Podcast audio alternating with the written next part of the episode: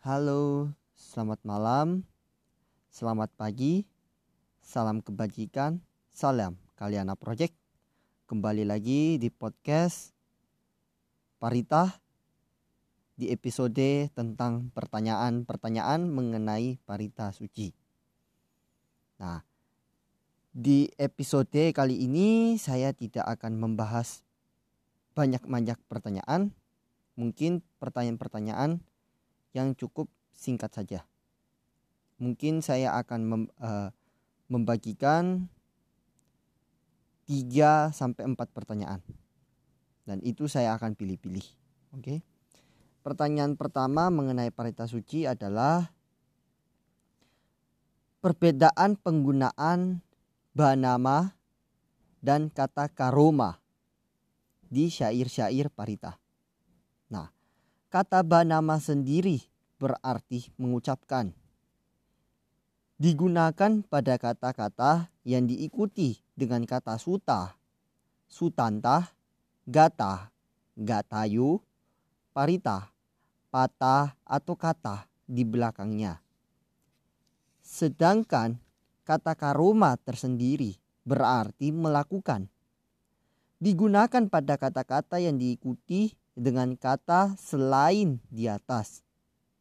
Dalam fungsinya sendiri sebagai objek, kata suta, sutanta, gata, parita, patah atau kata berubah menjadi sutang, sutantang, paritang, patang atau katang secara berturut-urut sebelum disusun ke dalam satu kalimat. Contoh, saya akan memberikan dua contoh. Yang pertama, Pancasika pada patah itu akan dirangkai dengan kata banama yang akan menjadi handamayang Pancasika pada patang banamase. Nah, yang kedua, contoh kedua yaitu syair saca kiria gata dirangkai dengan kata banama menjadi Handamayang Banama Se. Nah itu pertanyaan pertama.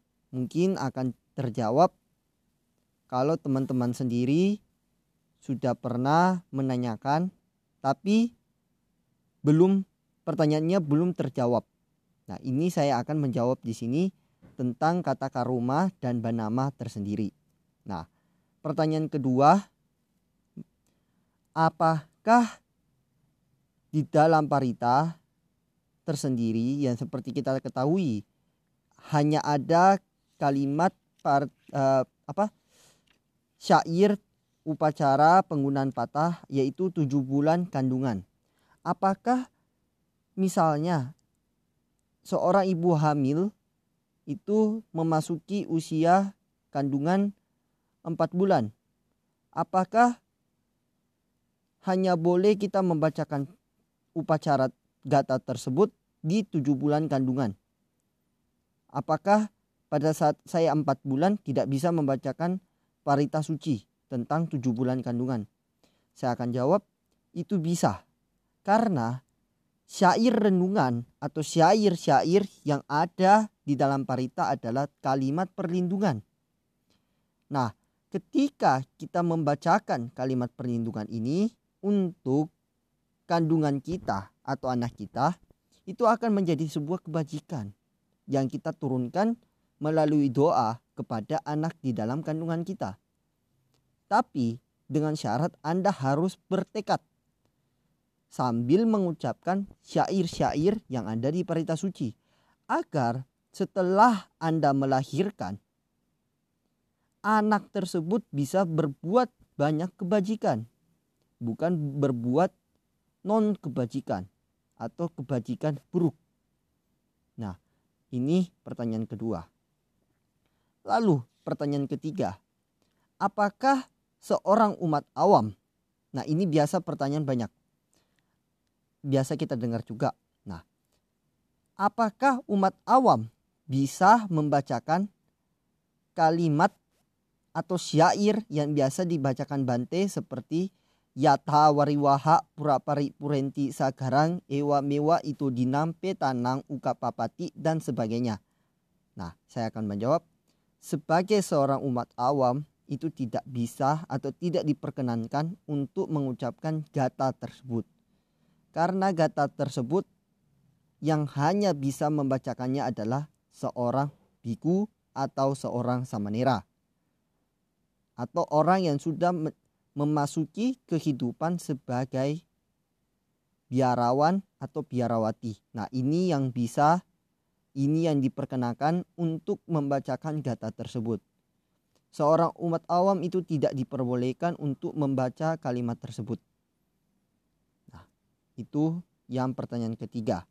Dan pertanyaan yang keempat yang terakhir adalah mengapa pada saat pengukuhan janji jabatan baik di mana pun itu hanya ada kalimat pada syair eh, pada syair Pancasila itu yang cuma diambil kata musawada Wiramani Sika Padang sama Diami. Nah, ini mungkin juga jadi misteri ya. ya. Ini menurut saya sendiri. Kenapa diambil cuma di bagian musawada saja? Karena seperti yang kita ketahui, banyak orang cuma janji-janji saja. Ini jabatan yang dikatakan di dalam parita ini jabatan luas. Bisa mencakup jabatan Anda sebagai gubernur, sebagai romo, atau sebagai organisasi apa pun. Ini bisa mencakup segalanya. Makanya kenapa cuma ada parita atau bagian dari Pancasila yaitu syair musawada. Karena musawada tersendiri berarti kita dilarang atau tidak diperkenankan untuk atau kita disuruh menghindari untuk berucap bohong. Karena seperti yang kita ketahui, pemimpin-pemimpin kita ini yang sekarang ini banyak yang hanya ingkar janji saja. Nah, ini termasuk tindakan berbohong dan melanggar Pancasila Buddhis. Apalagi seorang jabatan atau seorang pemimpin kita itu beragama Buddha. Nah, ini yang kita harus hindari. Maka dari itu, di dalam parita ketika kita membuka di halaman di halaman 7 di dalam parita suci berwarna biru itu ada terma, ada tertulis pengukuhan janji jabatan dan itu hanya ada kalimat atau syair dari Pancasila yaitu musawada weramani sikam padang sama diami. Nah ini mungkin bisa menjawab pertanyaan teman-teman semua mengapa hanya ada kalimat musawada di dalam janji jabatan. Nah sekian pertanyaan di podcast kali ini. Semoga menjawab pertanyaan teman-teman semua. Nah, Mungkin saya akan membuka pertanyaan-pertanyaan lagi. Kalau teman-teman ingin bertanya, silahkan DM ke WA saya di 0813 4233 0279 ataupun bisa di DM ke Instagram kaliana.project. Nah, mungkin nanti saya akan menjawab pertanyaan teman-teman sedamah melalui podcast saya ini. Melalui podcast Kaliana Project ini. Nah, sekian teman-teman. Selamat malam, selamat pagi. Namo Buddhaya. Dinantikan podcast berikutnya. Oke. Okay? See you next time. Bye bye.